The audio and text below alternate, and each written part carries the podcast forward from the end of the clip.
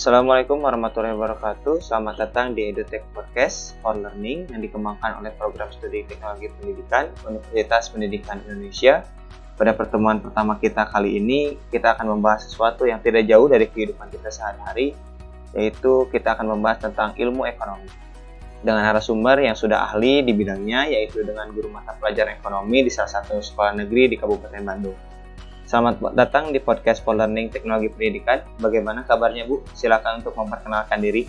Oke, Bismillahirrahmanirrahim. Assalamualaikum warahmatullahi wabarakatuh. Perkenalkan nama uh, saya Wulan Nurlanti, uh, mengajar pengajar di SMA Negeri 1 Cilenyi dengan mata pelajaran uh, ekonomi tentunya ya. Baiklah, Bu, sebelum kita masuk ke dalam topik utama diskusi kita hari ini, saya akan memaparkan sedikit artikel mengenai tingkat literasi ekonomi di Indonesia. E, di sini Hari sudah menemukan dua artikel, Bu. Dari iya. yang pertama dari CNBC Indonesia, di judul sudah tertulis sangat jelas, Bu, bahwa RI susah maju karena literasi keuangan rendah hanya 37 persen Lalu ditambah lagi di berita yang kedua dari merdeka.com, OJK ungkap penyebab penyebab tingkat literasi keuangan Indonesia rendah. Bagaimana pandangan Ibu terhadap kedua artikel tersebut? Nah, jadi memang kalau eh, apa namanya masalah literasi keuangan ya, terutama masalah tadi kan ada dikatakan baru berapa persen 37 ya? Ya, 37 persen persen yang uh, melek gitu ya. Artinya mereka baru uh, mengetahui produk jasa keuangan itu baru sebesar itu. Gitu. Kenapa? Karena memang uh, masyarakat di Indonesia ini kan stratanya beragam ya dari mulai kelas uh, ekonomi kelas atas, menengah sampai yang rendah. Bahkan kalau mau dibilang kita ini mau dibilang negara maju bukan gitu ya, negara berkembang juga ya tersendat ya. Kenapa? Karena ternyata uh, produk keuangan apa lembaga jasa keuangan bisa menjadi salah satu jembatan untuk mensejahterakan kehidupan masyarakat. Ternyata kejadian apa menurut hasil riset yang ada di artikel tersebut mengatakan baru segitu ya. Artinya hmm, ya jangankan literasi keuangan aja. Yang ibu lihat sekarang kondisi e, masyarakat Indonesia pada umumnya ya kita sedengar netizen plus 62 ya dikatakan mereka ini masih e, kurang sekali literasinya. Dalam membaca artikel sekalipun itu belum belum produk keuangan ya. E, jadi membaca segala sesuatu itu masih salah kaprah masih e, langsung menjudge ya menghakimi dan sebagainya. Tanpa membaca dengan jelas tanpa membaca dengan santun gitu ya seperti itu. Apalagi masalah keuangan gitu Kemudian latar belakang pendidikan juga sangat mempengaruhi ya.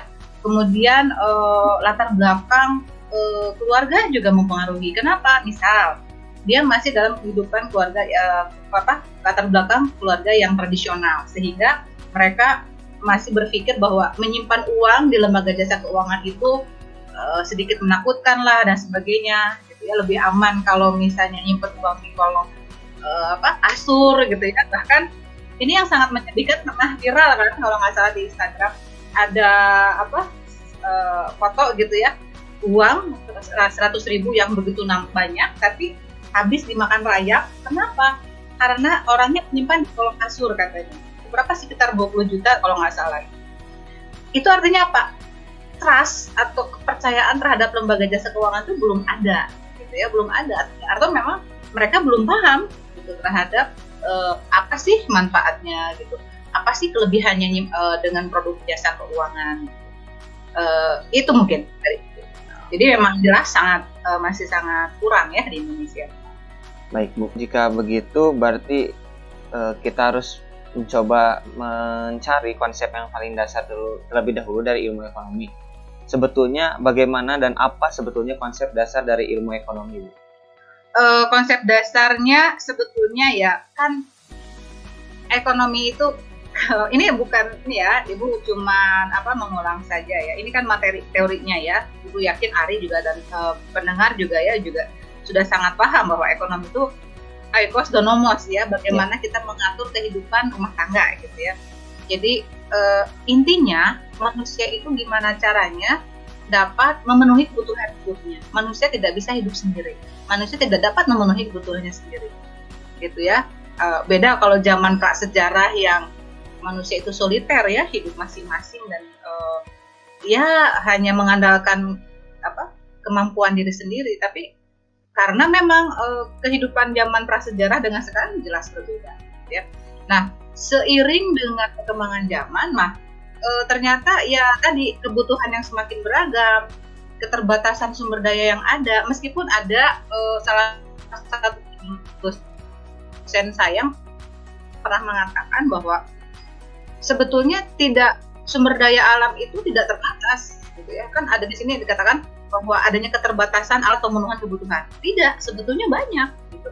Cuman kenapa jadi terbatas? Karena tadi balik lagi kemampuan manusianya, balik lagi kemampuan kitanya ya. Nah, sehingga kita perlu mempelajari ilmu ekonomi. Gitu. Itu mungkin. Berarti kalau melihat dari konsep tersebut, bagaimana sebetulnya keadaan pendidikan kita Bu di Indonesia khususnya di bidang ekonomi? Apakah sudah cukup atau masih ada kekurangan yang harus dibenahi agar nantinya ke depannya yang pertama tingkat literasi ekonominya tinggi dan perekonomian Indonesia mungkin bisa terbantu. Oke, nah uh, sebelumnya memang gini ya, kalau masalah yang ibu sedikit agak uh, ingin sedikit menyampaikan gitu ya, sistem ekonomi di Indonesia ini kan disebut sebagai sistem perekonomian uh, ekonomi Pancasila gitu ya. Nah ini yang memang masih agak jadinya uh, kurang apa ya si jejaknya kurang jelas apa jelas atau ya gini kan ekonomi Pancasila itu jadi kalau ibu lihat itu mirip-mirip dengan sistem ekonomi campuran, ya kan? E, mungkin Ari pernah belajar lah sistem ekonomi campuran itu seperti apa. Jadi e, kita ini e, diatur oleh negara, tetapi ada kebebasan gitu ya, ada kebebasan dari pihak swasta untuk mengelola sumber daya. Tapi pada kenyataannya masih terasa sekali kapitalismenya, gitu. Nah sehingga mungkin ya pada pelaksanaannya kenapa literasi ekonominya menjadi kurang ya terkait dengan mungkin tadi artikel yang sebelumnya karena e, pada pelaksanaannya sistem ekonomi Pancasila ini belum eh, betul-betul dijiwai gitu. Contoh apa falsafah dasarnya itu kan Pancasila dan Undang-Undang Dasar 45.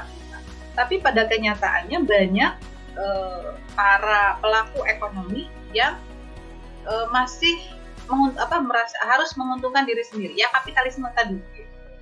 Sehingga uh, yang kaya semakin kaya yang miskin ya semakin miskin. Terutama orang-orang yang tadi ya dari sisi literasi ekonominya masih kurang mereka hanya berpikir ah yang penting saya bisa makan hari ini.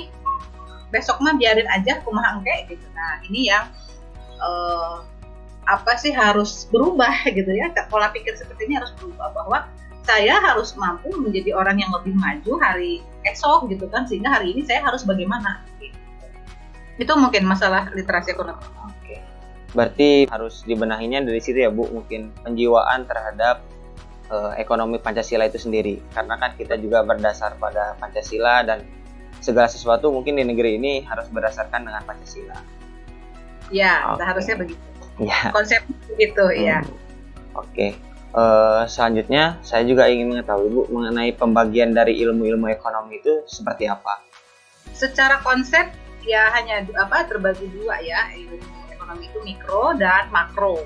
Kalau mikro itu berarti uh, ruang lingkupnya, skupnya itu lebih kecil ya, jadi uh, lebih kepada uh, produksi gitu ya. Uh, di dalam apa dalam dalam sebuah perusahaan, kemudian dalam sebuah keluarga, jadi lebih mikro gitu ya uh, kalau yang satu lagi makro ya jadi ilmu ekonomi makro dia lebih luas dia lebih skupnya lebih nasional. Seperti kita belajar kan kita membahas tentang inflasi gitu ya masalah fiskal moneter seperti itu.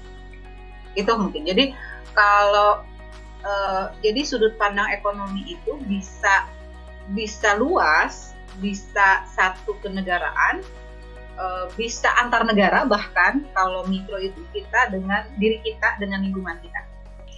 Untuk selanjutnya Bu, untuk mengenai prinsip, kegiatan dan motif ekonomi. apa yang tidak berjalan atau mungkin Ibu bisa paparkan secara singkat terlebih dahulu apa itu prinsip dan motif ekonomi.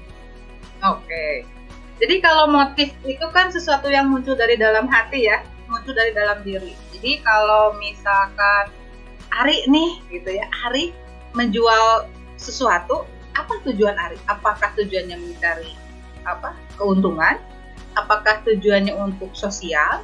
apakah tujuannya mendapatkan penghargaan nah itu motif jadi niat dari dalam diri kita ya pribadi kalau prinsip itu berarti sesuatu yang menjadi landasan kita untuk melakukan kegiatan ekonomi jadi uh, misalnya uh, prinsip ekonomi nah ini ya yang sedikit ingin ibu uh, perjelas sebetulnya mungkin orang ada yang sudah paham ada yang masih salah kaprah bahwa ada yang mengatakan prinsip ekonomi itu adalah dengan uh, apa modal sekecil-kecilnya mendapatkan atau pengorbanan sekecil-kecilnya mendapatkan hasil yang sebesar-besarnya. Ini prinsip yang salah.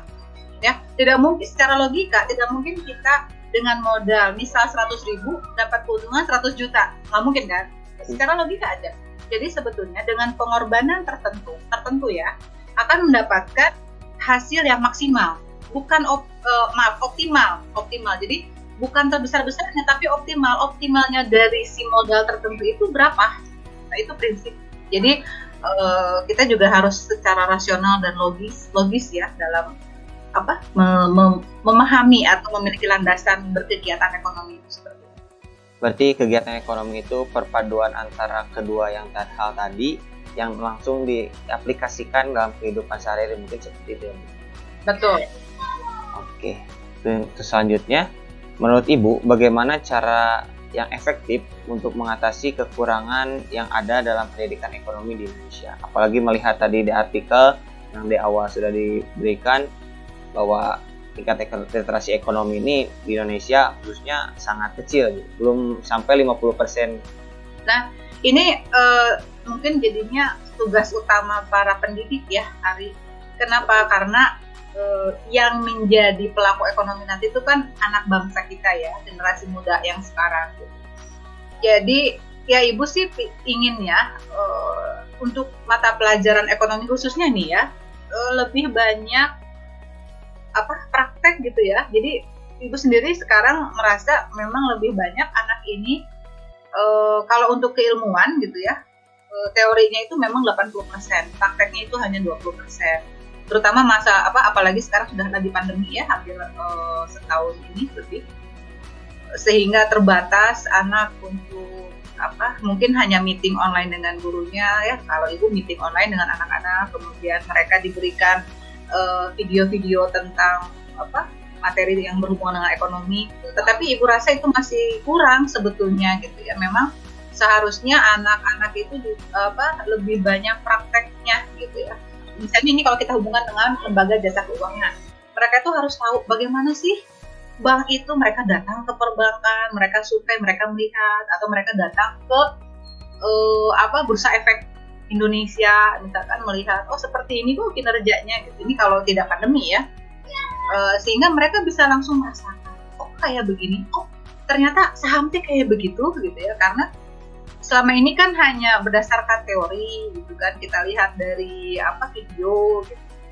Kalau misalnya uh, si apa siswa merasakan langsung atau melihat melihat langsung, mereka akan lebih melek melek gitu ya terhadap jasa keuangan gitu. Karena tadi ya masalah OJK ya.